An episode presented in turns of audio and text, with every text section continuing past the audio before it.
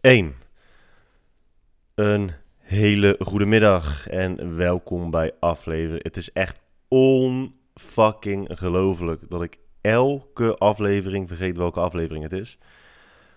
Eh, welkom bij aflevering nummer 20 alweer zie ik. Jezus, aflevering 20. Wie had dat ooit gedacht dat ik al meer dan 20 uur bij elkaar vol had weten te lullen. En sommigen van jullie denken, ja, dat had ik wel verwacht. Want je kan behoorlijk ouwe hoeren als je die kans krijgt. Ik had het zelf niet verwacht. Uh, al moet ik wel zeggen dat het minder dan 20 uur is. Omdat afleveringen... Uh, ja, welke afleveringen zijn het? De aflevering met Joumer en Doan praat ik natuurlijk een stuk minder. Uh, daar word ik nogal gedomineerd door hun aanwezigheid. Dus daar lever ik wel in op de uurtjes. Maar goed, al met al eh, best wel wat vol te lullen. In ieder geval welkom bij aflevering 20 van Omdat Het Kan. Deze aflevering wederom mede mogelijk gemaakt door Jimmy Joy. Um, check jimmyjoy.com en gebruik kortingscode GUY voor je kortingjes. En natuurlijk mede mogelijk gemaakt door Under Armour. En Under Armour heeft verder geen introductie nodig, um, meen ik. Dit is een. Uh, vandaag is deze podcast vergelijkbaar met een uh, extreme sport. Want het is nu 7 over half 1. En om half 2 moet ik de deur uit. Voor iets heel belangrijks. Ik ga namelijk naar een spa toe. Uh, samen met uh, Rogier, een goede vriend van mij. Um, ja, dat is al een prima, prima manier om je dinsdag door te brengen. Dus we gaan er gewoon lekker doorheen rammen. en terwijl ik dat zeg, denk ik, ja, waar de fuck gaan we het over hebben? Veel gebeurt de afgelopen week. Uh, een van de dingen waar ik me natuurlijk veel mee bezig hou is gewoon eens om me heen kijken en observeren wat er allemaal in ons wereldje gebeurt. En af en toe denk ik, ja, dat is best interessant. En dan noteer ik dat en dan gaan we het erover hebben op de podcast. Uh, verder krijg ik natuurlijk gewoon geen tegengeluid. Dat is het voordeel van een uh, podcast in je eentje opnemen. Maar een van de dingen die mij veel opvalt de laatste tijd, en ja, dat is meestal op social media, uh, dat zijn coaches die anderen coaches coachen over hoe je coach moet zijn. Dus nogmaals, coaches die andere coaches coachen over hoe je coach moet zijn.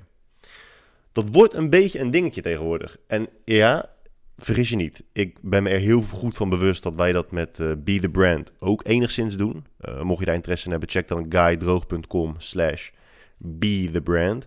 Maar Be The Brand, in Be The Brand um, maken wij het andere coaches mogelijk om meer omzet te genereren en beter te worden in het vak personal training en beter te worden in zichzelf goed in de markt zetten als personal trainer. Dat verschilt een klein beetje van mensen die dus, het zijn, het is, het is geen vooroordeel. Kijk, het is geen vooroordeel als het waar is. Maar het zijn in heel veel gevallen uh, vrouwen van 22 tot 28. Kijk, vroeger als je niet wist wat je moest doen, dan ging je één van drie dingen studeren. Je ging rechten studeren, je ging psychologie studeren of je ging um, uh, media en communicatie, dat heette dat destijds volgens mij. Eén van die dingen ging je gewoon doen. Je, deed, je, zou, je zou er verder nooit iets mee doen, want 99% van de mensen die destijds in mijn van mijn generatie rechten ging studeren, doet uiteindelijk niks met rechten. Um, ja, vanzelfsprekend om te zeggen dat de meeste mensen die psychologie studeren geen psycholoog zijn geworden. Um, mediacommunicatie wel nog. Maar in ieder geval, tegenwoordig, als je dus rond tussen de 22 en 28 bent en echt geen fucking idee hebt wat je moet gaan doen, dan ga je een opleiding, sorry, een cursus volgen om coach te worden. En vervolgens, als je die cursus hebt gedaan, dan ga jij andere 22 tot 28-jarigen coachen, uh, zodat zij ook coach kunnen worden. En zodat zij uiteindelijk ook nieuwe generaties van mensen die coach willen worden, kunnen coachen. Uiteindelijk heeft geen van die coaches fucking klanten die baat hebben bij het feit dat zij life coach zijn, spiritueel coach, happiness coach. Uh, ja, je hebt er nog heel veel. Maar het is, ik vind het best een, gekke, ja, best een gekke groep uh, mensen. Ze komen ook altijd samen, weet je wel. Ze komen dan altijd samen bij elkaar en dan gaan ze elkaar uitleggen hoe zij coachen. Maar je coach, ik snap niet precies wat het einddoel daarvan is. Je, je, je doet een opleiding, tot, je doet een cursus om, om te leren coachen. Vervolgens ga je andere dames coachen of andere heren coachen die hetzelfde willen gaan doen als jij. En dat is ook weer. Maar wie wordt er nou uiteindelijk. Wie heeft er nou uiteindelijk baat bij het feit dat al die mensen het idee hebben dat ze kunnen coachen? Want ik heb niet het idee dat al die mensen klanten hebben. Want dat zie je ook nooit voorbij komen. Het, het is nooit dat, dat je voorbij ziet komen dat daadwerkelijk andere mensen die geen coach willen worden, baat hebben gehad van het feit dat zij kunnen coachen. Ja. Maar goed, ik heb nu zo vaak het woord coach gezegd dat ik er inmiddels een uh, halve hersenbloeding van krijg. Mm. Misschien dat dat ook uh, te maken heeft met het feit dat mensen het graag als mens. We houden het graag gewoon op, allemaal op de oppervlakte. Hè. We, als mens kennen we echt onwijs veel diepgang. Laat ik het anders zeggen. Als mens hebben we de mogelijkheid en de potentie om heel veel diepgang te kennen. We kunnen diep graven als we dat willen. Maar de meeste keuzes die we maken worden gewoon op de oppervlakte gemaakt. Um, bewijs daarvan zijn natuurlijk gewoon uitspraken als: uh, hè, wees gewoon jezelf, uh, volg je hart, um, bij twijfel doen of bij twijfel niet doen, uh, volg je intuïtie. En allerlei, allerlei nietszeggende quotes waar je, waar je eigenlijk helemaal niet zo heel veel aan hebt. De meeste keuzes worden gewoon op de, op de oppervlakte gemaakt. Als mens de meeste mensen missen heel erg de nieuwsgierigheid om te graven. Dus, en dat is ook iets wat we bij, wat we bij Be The Brand heel erg um, heel veel bespreken.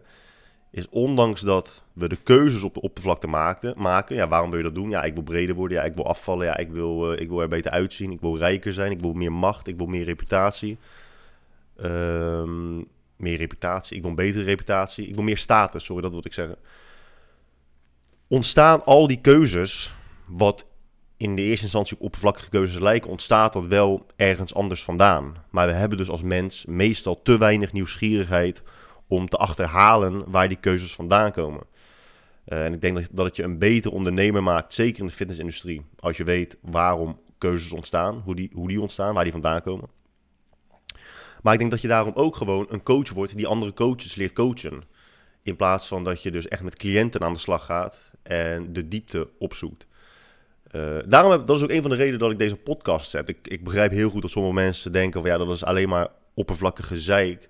Maar ik vind het wel heel interessant om echt over alles, soms onnodig veel, na te denken. Waarom doet iemand dit? Waar ontstaat dit uit? Um, ik vind dat je daarin ook heel erg verschil ziet tussen bijvoorbeeld mensen als... Ik weet niet of ik het ooit een keertje eerder heb gezegd hoor, maar ik ga het in ieder geval nog een keer zeggen heel erg verschil ziet tussen mensen als uh, een Sam Harris, een Jordan Peterson, een Seth Godin. Um, ja, zo zijn er nog, nog heel veel op te noemen. En mensen als een Gary Vaynerchuk, Simon Sinek, Tony Robbins valt er denk ik een beetje tussenin. Maar het verschil tussen die twee groepen, als ik het zo even mag noemen, is dat je bij de ene ziet dat ze het altijd heel erg op de oppervlakte houden. Zoals Gary Vee, Simon Sinek. Daarmee zeg ik niet dat wat ze zeggen niet interessant is. Want wat ze zeggen is heel interessant. Alleen als je bijvoorbeeld naar hun YouTube-video's kijkt of hun lezingen kijkt, het is altijd gerecycled materiaal. Het is altijd wel ongeveer hetzelfde als de lezing die ze daarvoor hebben gegeven. Um, als je op een gegeven moment vijf video's ziet, dan kun je daarna praktisch hun zinnen afmaken. Want ze hebben gewoon een beperkte hoeveelheid uh, filosofieën, om het zo maar even te noemen. Um, en die blijven ze maar herhalen en herhalen en herhalen en herhalen. En daar zit ook wel de kracht in. Hè? De kracht zit ook wel echt in uh, herhaling. Herhaling is, is krachtiger dan vernieuwing. Uh, daarmee bedoel ik dat je wel iets nieuws kunt bedenken, iets nieuws kunt maken, iets nieuws kunt zeggen. Maar dat maakt meestal minder impact dan iets wat niet zo heel erg nieuw is, maar door het gewoon heel vaak te zeggen. Maar als je dan kijkt naar mensen als Jordan Peterson, Seth Godin, Sam Harris, dat is constant vernieuwend. Maar dat komt omdat ze altijd bezig zijn met meer en beter. En hoe kan ik deze gedachtegang, hoe kan ik dit idee doorontwikkelen? Uh, soms, soms komen ze terug op uitspraken die ze in het verleden hebben gedaan. En dat is voor mij de definitie van een, een uh, intellectueel. En, ja, en, en die andere schaar ik meer onder marketing experts. Om zo, ja, ik denk dat dat, dat dat de beste term daarvoor is. Hè? Dat je weet gewoon dat je een aantal ideeën hebt die populair zijn onder een redelijk grote groep mensen. En die blijf je maar gewoon herhalen. Um, totdat je genoeg volgers hebt om genoeg boeken te kunnen verkopen. Maar als je bijvoorbeeld de boeken van Gary Vee leest. Ja, ik weet dat er mensen zijn die dat goede boeken vinden. Maar ja, het, is, het, het schreeuwt. Ik heb een aantal ideeën en die ga ik afraffelen in een boek, zodat ik geld kan verdienen. En ja, om specifiek Gary Vee te gebruiken in dit voorbeeld, hij zal altijd zeggen dat het hem niet om geld gaat. Maar als je zijn boeken leest, is het duidelijk dat het dat hem wel om geld ging. Want dat is zulke afgeraffelde troep, wil ik niet zeggen, maar het boek brengt je niet heel veel nieuwe informatie mee. Um, maar goed, de overeenkomst tussen wat ik nu allemaal net uh, loop te lullen, ben, aan het lullen ben, en uh, coaches die dus andere coaches coachen om betere coaches te worden. Ik denk dat het daarmee vergelijkbaar is. Ik denk dat dat, dat geeft je de mogelijkheid om heel erg op de oppervlakte te blijven. Uh, het is een heel specifiek onderwerp. Het gaat niet per se heel erg de diepgang in. En ik denk dat het uh, uiteindelijk interessanter is om die diepgang uh, wel op te zoeken. En niet met alleen maar belangrijke dingen, met alles. Echt met alles. Ik denk dat het interessant is om het te hebben over iets waar ik ooit een keer over heb geschreven. Uh, en dat is het onderwerp. Uh, ik weet niet eens hoe je het uitspreekt. Volgens mij is het uh, escapisme. Ja, ik denk escapisme. Escapisme. Escapisme. Escapism. Ja, in het Engels is het escapism. Ik denk dat in, in, in Nederlands is het dan escapisme, denk ik. Maar goed, wat escapisme... Fucking het klinkt voor geen meter. Weet je wat we gaan doen? We gaan de uitspraak opzoeken van, esca, van escapism in het Nederlands. Even kijken, ik weet niet of jullie het ook horen. Even kijken hoor, uitspraak escapisme. Wiki woordenboek. Uitspraak. Escapisme. Yes! Ja, even een momentje van trots. Ondanks dat het echt fucking voor de hand liggend was. Maar goed, het, het is dus escapisme. Het is wel echt een kutwoord. Uh, maar escapisme is dus de neiging om de werkelijkheid te ontvluchten. Um, dus alles aan doen, of heel veel aan doen, om de realiteit niet onder ogen te hoeven komen. En met realiteit of met werkelijkheid bedoel ik eigenlijk gewoon je dagelijkse verplichtingen die niet heel erg leuk zijn. Dus voor de meeste mensen betekent dat hun werk belasting moeten betalen. Nadenken over wat de fuck je gaat eten s'avonds. Uh, mailtjes beantwoorden van mensen die je eigenlijk helemaal niet wil spreken. Vragen beantwoorden die je al 760.000 keer hebt beantwoord. Uh, dat zijn een beetje de dagelijkse dingen die je moet doen waar je eigenlijk niet zo heel veel zin in hebt. Um, en vervolgens ga je dus dingen verzinnen, dingen doen met het idee dat je het doet om een andere reden dan de realiteit te ontvluchten. Dat is escapisme. En um, ik heb het idee dat tussen aanhalingstekens, want als je niet video kijkt, zie je niet mijn air quotes. Zelfontwikkeling hoort daar volgens mij ook steeds meer een beetje bij. En ik weet dat dat tegenstrijdig klinkt. Maar als je even de tijd neemt om erover na te denken en om je heen te kijken en zien wat voor mensen er steeds meer doen aan um, meditatie. Bijvoorbeeld. Uh, je ziet gewoon om je heen dat steeds meer mensen gaan mediteren. Steeds meer mensen uh, in zichzelf keren. Uh, bewust gaan worden van hoe ze zich voelen. Stappen terugnemen. Uh, naar Bali gaan voor drie maanden. Um, burn-outs willen, voor, willen vermijden. Hè, omdat ze drie dagen in de week van 9 tot 5 werken. En daarmee denken dat ze een burn-out krijgen. Omdat de constante, snelle loopband waar ze op moeten blijven rennen uh, allemaal net iets te veel voor ze hoort. En dan krijg je dus dat mensen uh, fan worden van Tim Ferriss, Gary Vaynerchuk, bla bla. Maar dat is in principe allemaal goed, hè, dat je dat doet. Begrijp me niet verkeerd. Het is goed dat je in jezelf keert. Het is goed dat je bewust wordt van je gevoel. Dat je bewust wordt van de acties die je onderneemt, de keuzes die je maakt, waarom je dat doet. Het is goed dat je af en toe een stap terugneemt. Dat is allemaal hartstikke goed. Maar, en misschien, misschien is mijn begrip dan gewoon onjuist. Maar in, in mijn beleving is zelfontwikkeling is bedoeld om je prestatievermogen, je, je functioneren, je algehele welzijn te verbeteren op de momenten dat je niet bezig bent met jezelf ontwikkelen. Dus om een concreet voorbeeld te noemen, het is prima dat jij heel vaak mediteert. En het is logisch dat jij op een gegeven moment je goed voelt tijdens meditatie. Maar je mediteert niet om je goed te voelen tijdens meditatie. Je mediteert om je goed te voelen op momenten buiten het mediteren om. Het is top dat als jij een boek leest.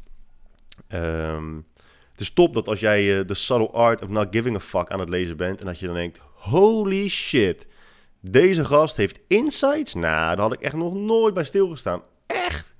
Moet ik me echt gewoon alleen maar druk maken om dingen die er toe doen. En niet mezelf druk maken om dingen die er niet toe doen? Holy shit. Dit is een. Ja, dit is, ja, dit is gewoon een bestseller. Dit is, is echt niet normaal. Ehm, en het stopt dat als, je, dat als je dat leest, dat je dat dan denkt. Maar het is de bedoeling dat je er iets aan hebt op de momenten dat je dat boek niet voor je snuiter hebt. Het is de bedoeling dat als jij dan op je werk bent en je baas zegt tegen je: hey, grote vriend, eh, dat werk dat je gisteren hebt afgeleverd bij, je, bij me, eh, dat was behoorlijk kut. Dus dat moet je overnieuw doen. Het is dan, bedoel, dan de bedoeling dat je dat gewoon neemt en denkt: ja, nou ja, daar zit eigenlijk wel wat in. Eh, ik ben een werknemer, hij is mijn werkgever. Eh, ik sta, ja, gewoon op deze hiërarchie sta ik onder mijn baas. Dus ik moet maar gewoon luisteren naar hem en het werk opnieuw doen. En dat je niet thuiskomt bij je vriendin en zegt: Schat, weet je wat mijn baas vandaag tegen me zei? Hij vond mijn werk niet leuk, hij vond mijn werk niet goed. Dan heb je dus helemaal geen reet aan het boek gehad. En eh, dat zie je dus heel veel tegenwoordig. Je ziet hoe waardevol is zelfontwikkeling als je er op je werk of ehm, bij je relaties helemaal niks van merkt. Dat je er gewoon helemaal niks aan hebt. Uh, hoe waardevol zijn al die uren meditatie, al die boeken die je hebt gelezen, al die zelfhelpboeken, zelfhelpboeken, als je nog steeds elke maand overspannen bent. Um, als je nog steeds. Hoe waardevol zijn al die boeken om je productiviteit te verbeteren als je nog steeds helemaal niks gedaan krijgt of heel weinig gedaan krijgt? Uh, dat je nog steeds constant excuses blijft verzinnen. Dus de vraag is, voor mij persoonlijk, doe je aan zelfontwikkeling omdat je er daadwerkelijk de positieve invloed van merkt op het moment dat je het nodig hebt? Of omdat je bezig wilt zijn met zelfontwikkeling. Um, of. Of ben je maar gewoon bezig met zelfontwikkeling om de realiteit te ontvluchten? Want als dat zo is, uh, als, als zelfontwikkeling jou alleen maar weghoudt van de dagelijkse lasten en verplichtingen, dan is het geen zelfontwikkeling, maar dan is het escapisme. En als dat het geval is, um, ja, zou ik toch opnieuw inzien waarom je doet wat je doet. Ik merk bijvoorbeeld heel erg dat als ik boeken lees, als ik uh, podcasts luister, als ik video's bekijk, lezingen bekijk, dat ik echt iets aan heb in um, interactie met mensen, dat mijn relaties er baat bij hebben, um, dat ik echt anders tegen het leven aankijk. En natuurlijk met mij nog vele, vele, vele, vele anderen. Ik impliceer absoluut niet dat ik daar een, een, uh, een uitzondering ben. Totaal niet. Dus begrijp me ook echt, niet verkeerd. Um, maar ik denk dat er nog te veel mensen zijn die er dus helemaal geen baat bij hebben. Ik zie zo fucking veel mensen op social media die dan elke week drie boeken lezen. En dan denk je, ja, maar wat, doe je verder eigenlijk? Wat, wat, waarom lees je al die boeken over productiviteit, over ondernemen, als je nog steeds niet aan het ondernemen bent? En in mijn ogen ziet dat er gewoon naar uit dat je, dat, dat je het lezen en het tussen aanhalingstekens voorbereidend werk aan het verrichten bent om maar niet te starten.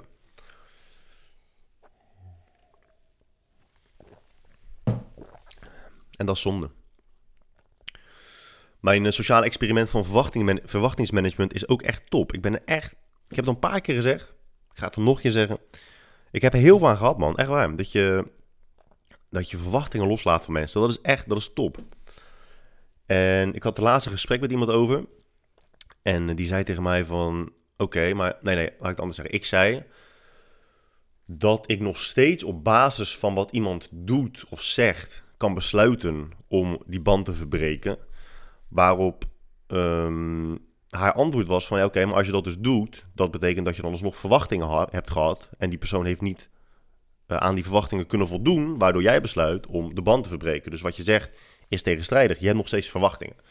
En ja, in die zin klopt dat ook wel. Uh, enigszins. Kijk, er is een verschil, vind ik, tussen uh, concreet verwachten dat iemand op een, in een bepaalde situatie iets zegt of doet. En dat dat dan vervolgens niet strookt met jouw verwachtingen. Of dat je gewoon nog steeds je eigen normen en waarden behoudt. Je hebt gewoon je eigen normen en waarden. Je kunt nog steeds principieel zijn, je principes hebben. Um, en als iemand waar jij mee te maken hebt duidelijk andere normen en waarden heeft dan jij, um, dat kun je dan nog steeds erkennen en dan besluiten dat je, dat je die persoon liever niet in je leven wilt. Uh, dat je liever geen zaken wilt doen met hem of haar. Uh, maar het belangrijkste van, van, van datgene waar ik dus nu al een tijdje mee bezig ben, is eigenlijk de kern van het verhaal is niet zozeer dat je geen verwachtingen hebt van iemand, maar dat je in ieder geval niet over emotioneel reageert op momenten dat iemand dus niet aan die verwachtingen voldoet. Dus dat als iemand, um, stom voorbeeld, maar het is wel een concreet voorbeeld en een voorbeeld dat je vaak terug ziet komen in de, in de maatschappij.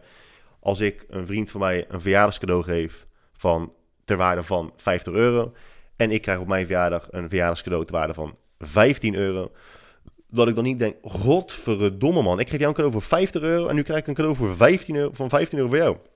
Weet je wat? Volgend jaar krijg je ook geen cadeau meer voor 50 euro. Dan krijg je gewoon een cadeau voor 15 euro.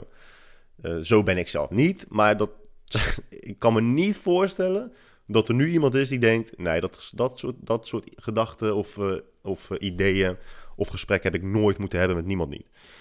dat zijn gewoon dingen die vaak voorkomen. Mensen geven over het algemeen Um, ja, ik kreeg vorige podcast, of twee podcasts geleden, kreeg ik um, een dame die reageerde onder, uh, onder de video. Want ik had het over dat je je vaak sociaal gedwongen voelt om te lachen. Als je bijvoorbeeld in een, in een bioscoop zit, of je bent bij een stand-up uh, comedy, een stand-up comedian, cabaretier. Dan weet je dat je daar komt omdat het grappig is. Dus je weet dat de, wat de persoon zegt ook soort van grappig is, of zou moeten zijn.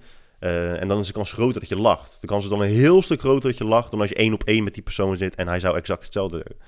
Maar vervolgens reageerde iemand eronder met: Ja, uh, in 2001 ben ik met mijn vriend naar Amerika geweest en daar zaten wij in de bioscoop. En iedereen moest lachen behalve wij. Punt. Dus het was mij niet helemaal duidelijk wat, wat die persoon daarmee wilde zeggen. Of het gewoon een, uh, een, een verhaal was om maar gewoon een, willekeurig uitzondering, een willekeurige uitzondering op te noemen van 64 jaar geleden. Of dat het bedoeld was om gewoon het hele idee te ontkrachten. Dat is inmiddels wel duidelijk, want ik had gereageerd op een uh, niet volledig gewenste manier. Um, ja, oké. Nou ja, top. Ik ben weer mijn punt kwijt. Dat is uh, ook echt fantastisch. Um, Godverdomme, het ging over geld.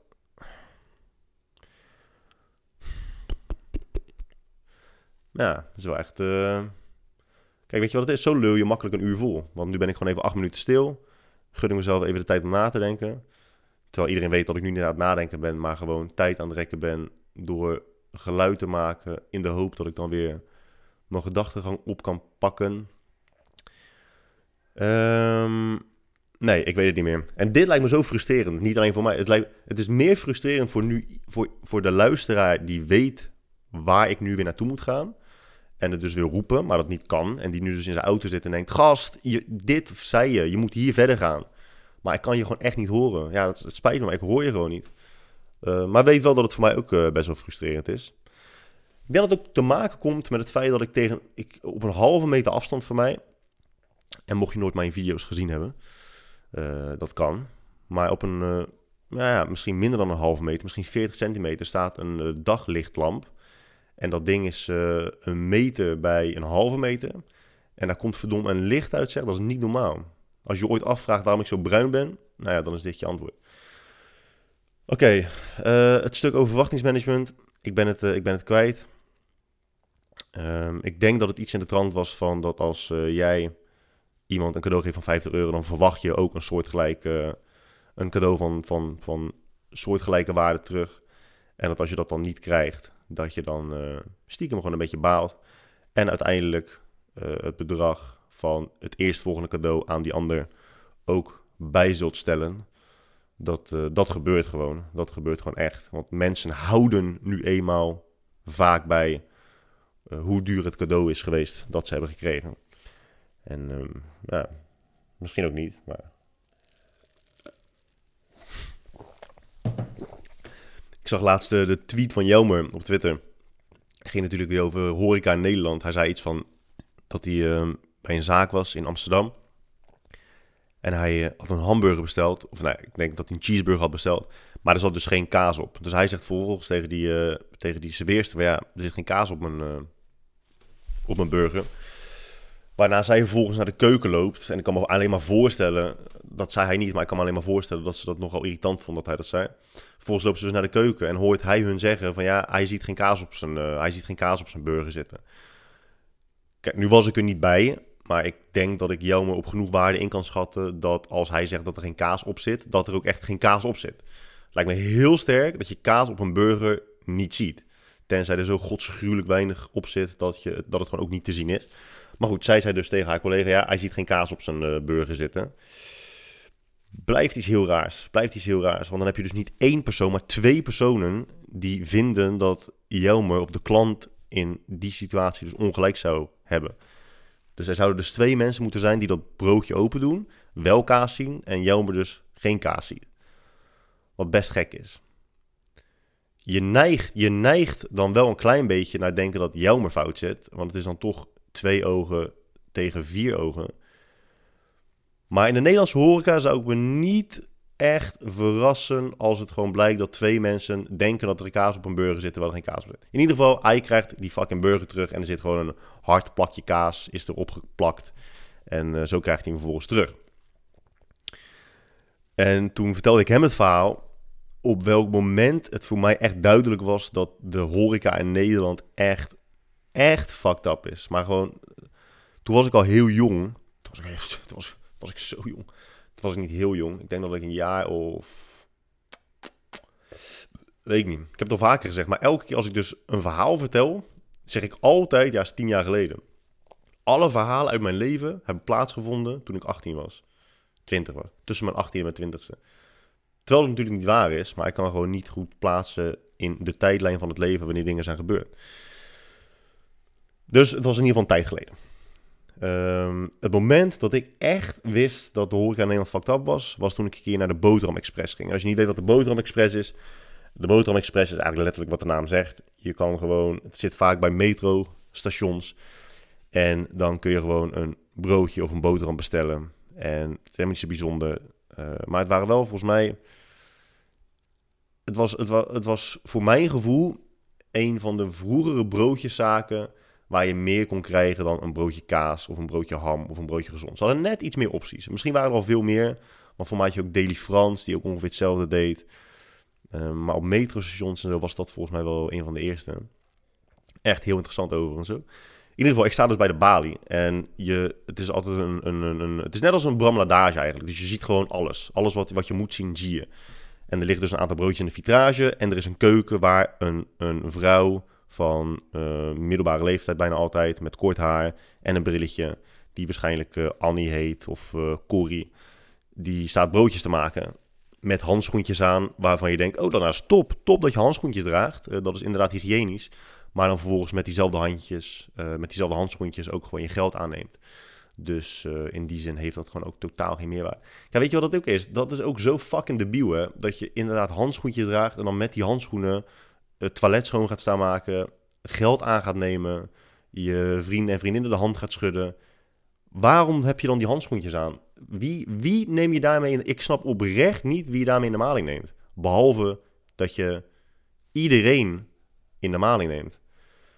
Maar goed, ik sta dus bij de kassa en ik uh, denk, nou, ik heb eigenlijk wel trek in dit broodje, mevrouw. Maar dan uh, het liefst zonder olijven. En mocht je nu afvragen, my guy, lust jij geen olijven? Uh, jawel, grote vriend, ik lust uh, wel olijven. Alleen op dat moment had ik er gewoon even geen trek in. Dus ik zeg, mevrouw, um, zou ik misschien dit broodje eh, mogen van u zonder olijven? Nou meneer, zegt ze, dat gaat niet, want de broodjes zijn al gemaakt. Waarop ik antwoord, maar mevrouw, ik zie toch uw collega achter u staan, die is toch gewoon broodjes aan het maken. Dus waarom kan ik dan geen broodje krijgen eh, zonder olijven? Nee, zegt ze. Eh, de broodjes ehm, zijn inderdaad nog eh, niet gemaakt, maar eh, voor het menu zijn ze wel al gemaakt. Dus ze staan al op een vaste manier op de kaart. En het is heel verwarrend voor de keuken. Voor de fucking keuken. En met keuken ze één chick die op 20 centimeter afstand van haar een fucking broodje opensnijdt en er beleg op dondert. Dat was volgens haar de keuken. Maar dat is verwarrend voor de keuken. Dus wij kunnen geen aanpassingen doen aan de samenstelling van het broodje. Nou ja, je kunt je voorstellen dat ik op zo'n moment denk van... Hè, ik, ehm, ik ben niet haatvol. Ehm, maar op zo'n moment mag zo iemand van mij gewoon wel doodgaan. Eh, dat hoeft niet per se pijnlijk te zijn. Dat mag ook gewoon ehm, met, een, eh, met een strop hè, om, eh, om de nek. Maar ze mag dan wel gewoon doodgaan. En ehm, uiteindelijk heb ik dus dat broodje besteld met olijven. En heb ik dus zelf... Want dat is ook zo mooi, hè? Als je in Nederland een broodje bestelt, hoe vaak, hoe vaak is, is zo'n broodje dan royaal belegd? Nou ja, ik zal je een hint geven. Dat is tussen de ehm, 0 en 2 procent van de tijd is het broodje royaal belegd. 98 tot 100 procent van de tijd zit er gewoon te weinig beleg op. Dus er zaten ook echt drie fucking olijven op. En dat is ook zo. Het is natuurlijk nooit een hele olijf. Het is altijd zo'n heel dun gesneden plakje olijf. eh, die ik er dus eh, zelf gewoon af heb gehaald. Maar ik kan me dus voorstellen dat het voor haar gewoon eh, veel te veel moeite was destijds. En dat was het moment dat ik dacht, dat ik gewoon wist van ja, dit is wel gewoon echt heel kloten. Mijn moeder zei het altijd al. Ehm, zij was natuurlijk gewoon eh, haar, eh, haar eh, thuisland gewend, Israël. En ja, ze zei altijd, ja, daar is de service gewoon, als het gaat om horeca, is gewoon veel beter. En ik ben ook absoluut geen voorstander van het idee dat klant koning is. Hè? Dat is trouwens een mooie. Dat sluit wel aan bij oppervlakkigheid, waar we het een minuut of eh 15 geleden over hadden. Mocht je, dat, mocht je dat nog herinneren. Klant is koning. Klant is altijd koning. Dat, is ook, dat duidt ook echt op dat je altijd maar kiest voor oppervlakkigheid. Want klant is niet altijd koning. En ik zal je een voorbeeld geven waarom dat ook niet zo is.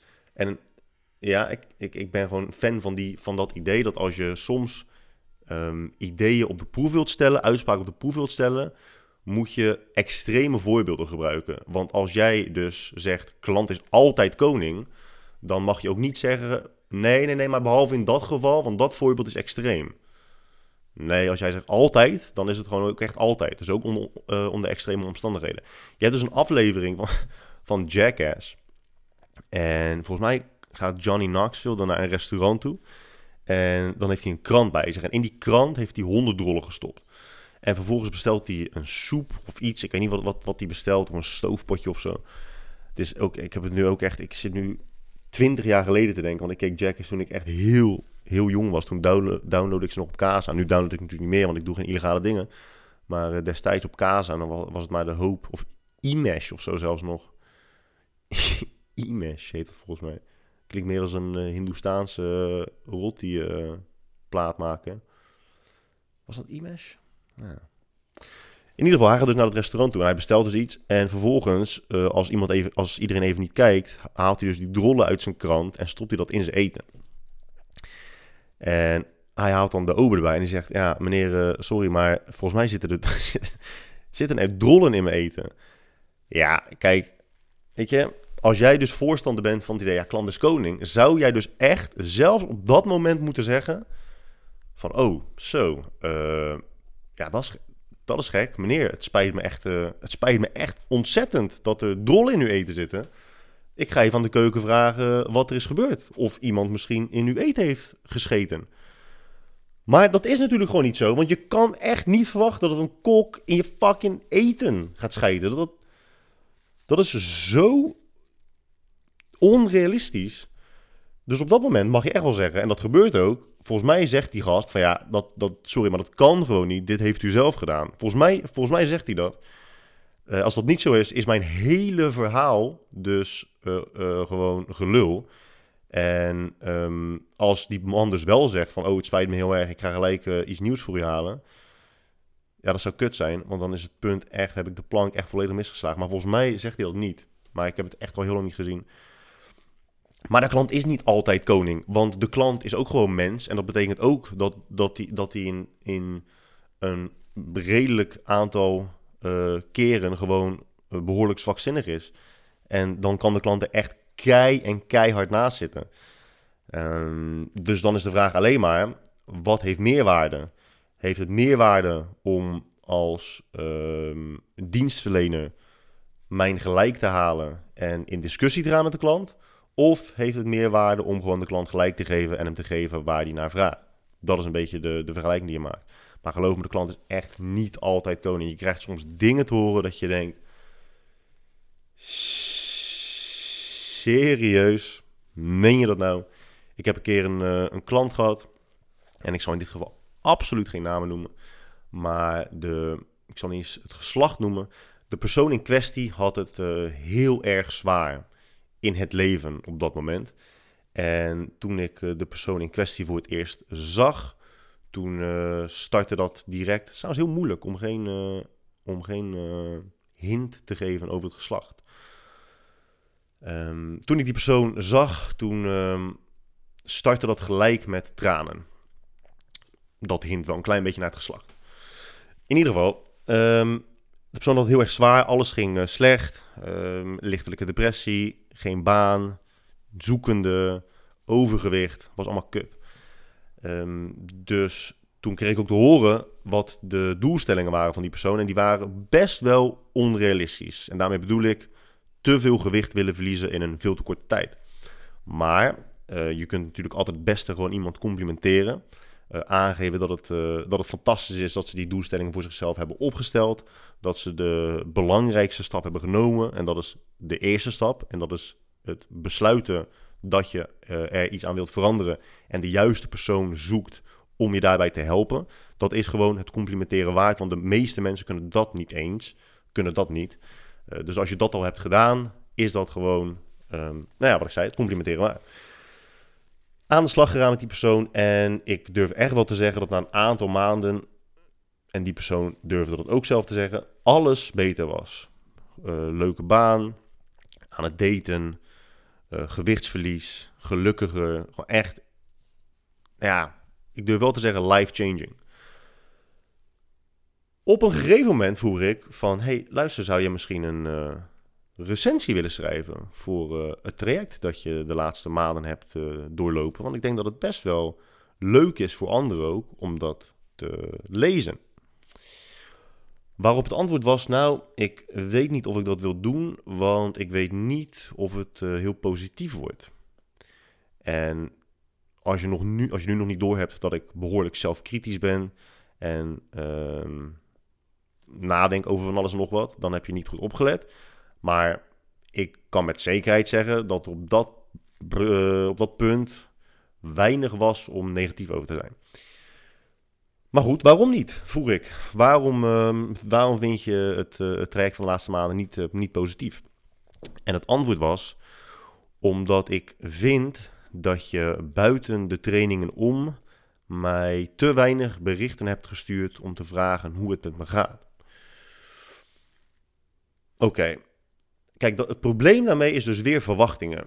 Jij neemt een uh, personal trainer in de hand um, die jou ondersteunt bij elke training, die je ondersteunt bij je voeding, um, die ervoor zorgt dat het op bijna alle aspecten in je leven beter met je gaat, omdat ik in dit geval duidelijk een beeld had van waar die persoon, waar die persoon wat die persoon nodig had. En daarvoor zie je dan diegene in.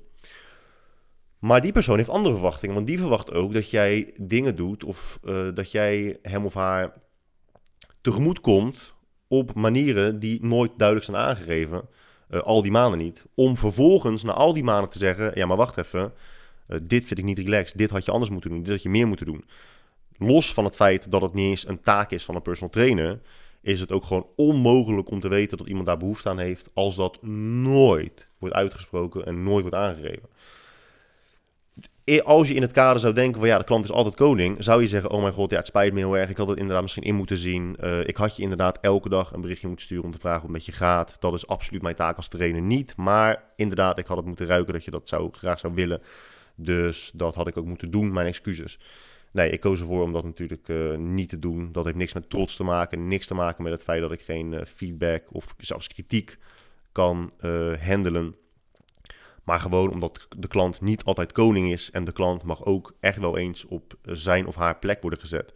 Want als, dat, als je dat niet doet, als er geen consequenties zijn, dan is de volgende trainer en de trainer daarna en daarna en daarna daar ook weer de klos van, de dupe van. Uh, soms is het echt wel als dienstverlener, als trainer, als whatever, iets waar je geld voor vraagt. Uh, jouw verantwoordelijkheid om de klant permanent in te laten zien dat zijn of haar verwachtingen van de betreffende dienst die zij afnemen gewoon niet realistisch is, niet realistisch zijn. Um, en ja, ik denk dat ze ju juist er baat bij hebben als jij dat dan voor hun verandert.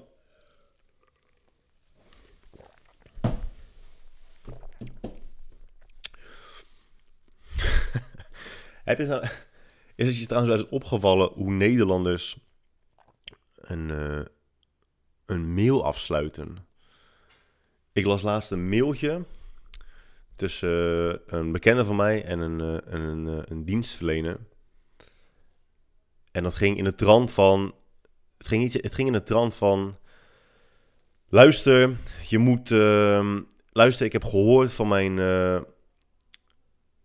luister, ik heb gehoord van mijn werknemer. dat de toon die je tegen haar aanslaat. gewoon echt. Um, niet aangenaam is. Ik, ik eis dat je daar nu direct mee stopt. Uh, je moet nu, nu, hoofdletters, je moet nu je manier van communiceren veranderen. Anders ga je maar direct op zoek naar iemand anders. Weet je, het was, het was een, een, een, een pittige mail. Je hoeft, geen, je hoeft echt niet uh, hooggevoelig te zijn. Om te weten dat de persoon aan die kant, toen hij aan het typen was, nogal boos was. Om vervolgens af te sluiten met, met vriendelijke groet, bladibladibla. Ik kan daar echt met mijn kop niet bij. Ik kan daar gewoon echt. En dat is, dat is echt altijd. Ik heb vaak. Ik heb ook eens boze mailtjes gestuurd. Zonder te eindigen met vriendelijke groet. Want ik, ik, ik, stuur helemaal geen, ik stuur helemaal geen vriendelijke groeten mee. Maar de meeste mensen doen dat wel. Die sturen dan echt een boze mailtje. En denk, god damn, dat, die, die woorden komen best wel aan. Met vriendelijke groet, Jan. Dude, waarom zeg je met vriendelijke groet? En waarom open je met beste? Waarom? Dat is ook weer, dat is, sluit allemaal naadloos aan bij de illusie van service. Ook onze excuses voor het ongemak. Onze excuses dat, we, dat u dit is overkomen. Nee, het interesseert je echt geen ene reet. Anders had je er wel iets aan gedaan. Maar de meeste mensen zijn gewoon heel erg uh, blij als ze dat al te horen krijgen. Ja, ja, onze excuses voor het ongemak. Ja, nou ja, thanks. Ik ben blij dat je het begrijpt. Nee, als iemand zegt onze excuses voor het ongemak, ongemak, zegt dat niks over eh, dat die persoon begrijpt wat je meemaakt, begrijpt wat je voelt, begrijpt waarom je het irritant vindt. Het betekent alleen maar dat ze weten dat ze op dat moment uh, moeten zeggen dat het ze spijt. Dat sluit een beetje aan op eh, de podcast van vorige week. Van is iets, voel je daadwerkelijk iets? Voel je het echt? Ervaar je emotie? Of is het gewoon een aangeleerd algoritme uh, en, en, en komt daar een resultaat uit omdat er een bepaalde knop wordt ingedrukt? Als ik bij een, bij een bedrijf de knop indruk van oké, ik ben geïrriteerd, dan rolt er een, een reactie uit met onze excuses voor het ongemak. Of wat vervelend voor u. Of wat vervelend dat u dit is overkomen. Maar er komt geen oplossing uit. En dat komt omdat ze niet voelen waarom je daadwerkelijk geïrriteerd bent. Waarom datgene wat er is gebeurd vervelend is en niet zou moeten gebeuren. En dat is dus ook hetzelfde met, met vriendelijke groet. Weet je wel? Dat is.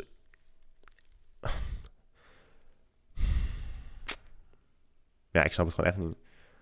Als jij boos bent en je ramt je, je toetsenbord aan flarden terwijl je een mailtje stuurt naar mij. Wat denk je dan op het moment dat je eindigt met, met, met vriendelijke groet? Dat is, het is zo tegenstrijdig. Hè? Dan is hetzelfde als je zegt. En, en dat doen mensen ook. En dat is ook zo fucked up. Ja, weet je, het is, niks persoonlijks, maar je bent echt een teringleier. Is niks persoonlijks, maar je bent, je bent echt, je bent zo een ontzettende klootzak. Maar dat bedoel ik niet beledigend, hè? Oh, oké. Nou ja, als je het zo brengt, nee, dan, dan snap ik, nee, dan kan ik dat ook wel niet persoonlijk uh, opvatten. Dus uh, thanks voor je constructieve feedback. Weet je wat nog erger is dan met vriendelijk? Met sportieve goed. En ja, nu trap ik wel een aantal mensen tegen de schenen, omdat ik uh, regelmatig mails krijg van mensen uit de fitnessindustrie. Maar wat is een sportieve groet, dude? Even serieus. Is dat een, is dat een groet terwijl je in een, in een split squat zit? In een goblet squat? Dat je, aan het, dat je lunge, walking lunges aan het doen bent en vervolgens je hand opsteekt? Hey, you. Is dat, is dat een sportieve groet? Ik weet, ik weet niet wat een sportieve groet is. Ik weet het gewoon echt niet. Ik weet het niet, man. Echt niet. Wat is een sportieve groet? Met sportieve groet, Karel. Ja, nou ja, thanks voor de sportieve route, man. Maar ik, ik weet gewoon echt niet wat dat is. En ik realiseer me heel goed dat het uh, slechts drie woorden zijn. Dus de kans dat ik gewoon een idiot ben, dat ik in die drie woorden uh, onbegrip vind, dat het waarschijnlijk aan mij ligt. Maar als iemand het uit kan leggen, nou dan zou ik best wel uh, zou ik best blij zijn. Maar ik denk dat mensen die zeggen met sportieve groet het alleen maar doen omdat ze andere mensen dat zien doen en zelf ook echt geen idee hebben wat het nou precies inhoudt. Je hebt, ook, je hebt er nog heel veel hoor, maar... Ik hoor trouwens constant mijn baardhaar schuren over uh, de kraag van mijn bodywarmer. En ik hoop niet dat jullie dat horen. Hoogachtend is er ook zo eentje. Hoogachtend. Hoogachtend. Rudolf. Hoogachtend. Rudolf. Rudolf de Wit. Oh, klein momentje, de deurbel gaat.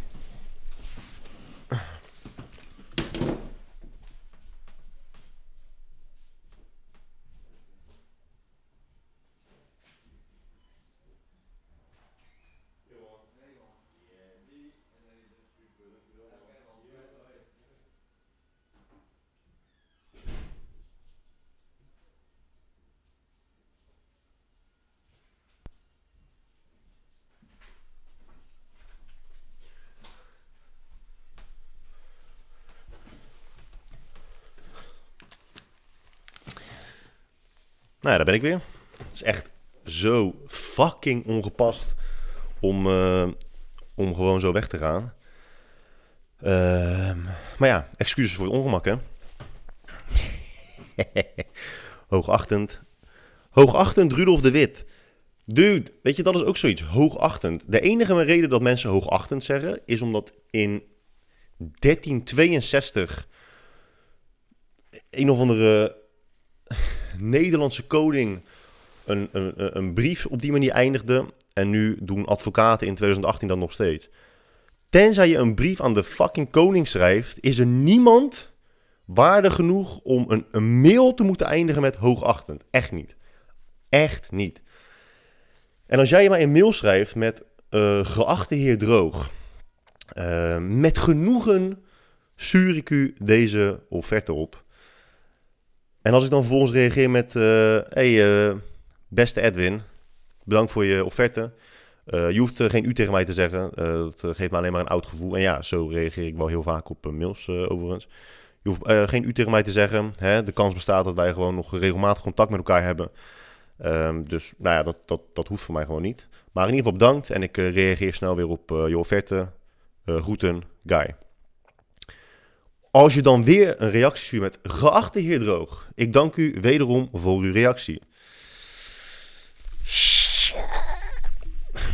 Ik heb het, soms heb ik het gevoel dat mensen hun best doen om echt een enorme kloof te behouden tussen jou en, en, en de persoon in kwestie. Maar dat geeft.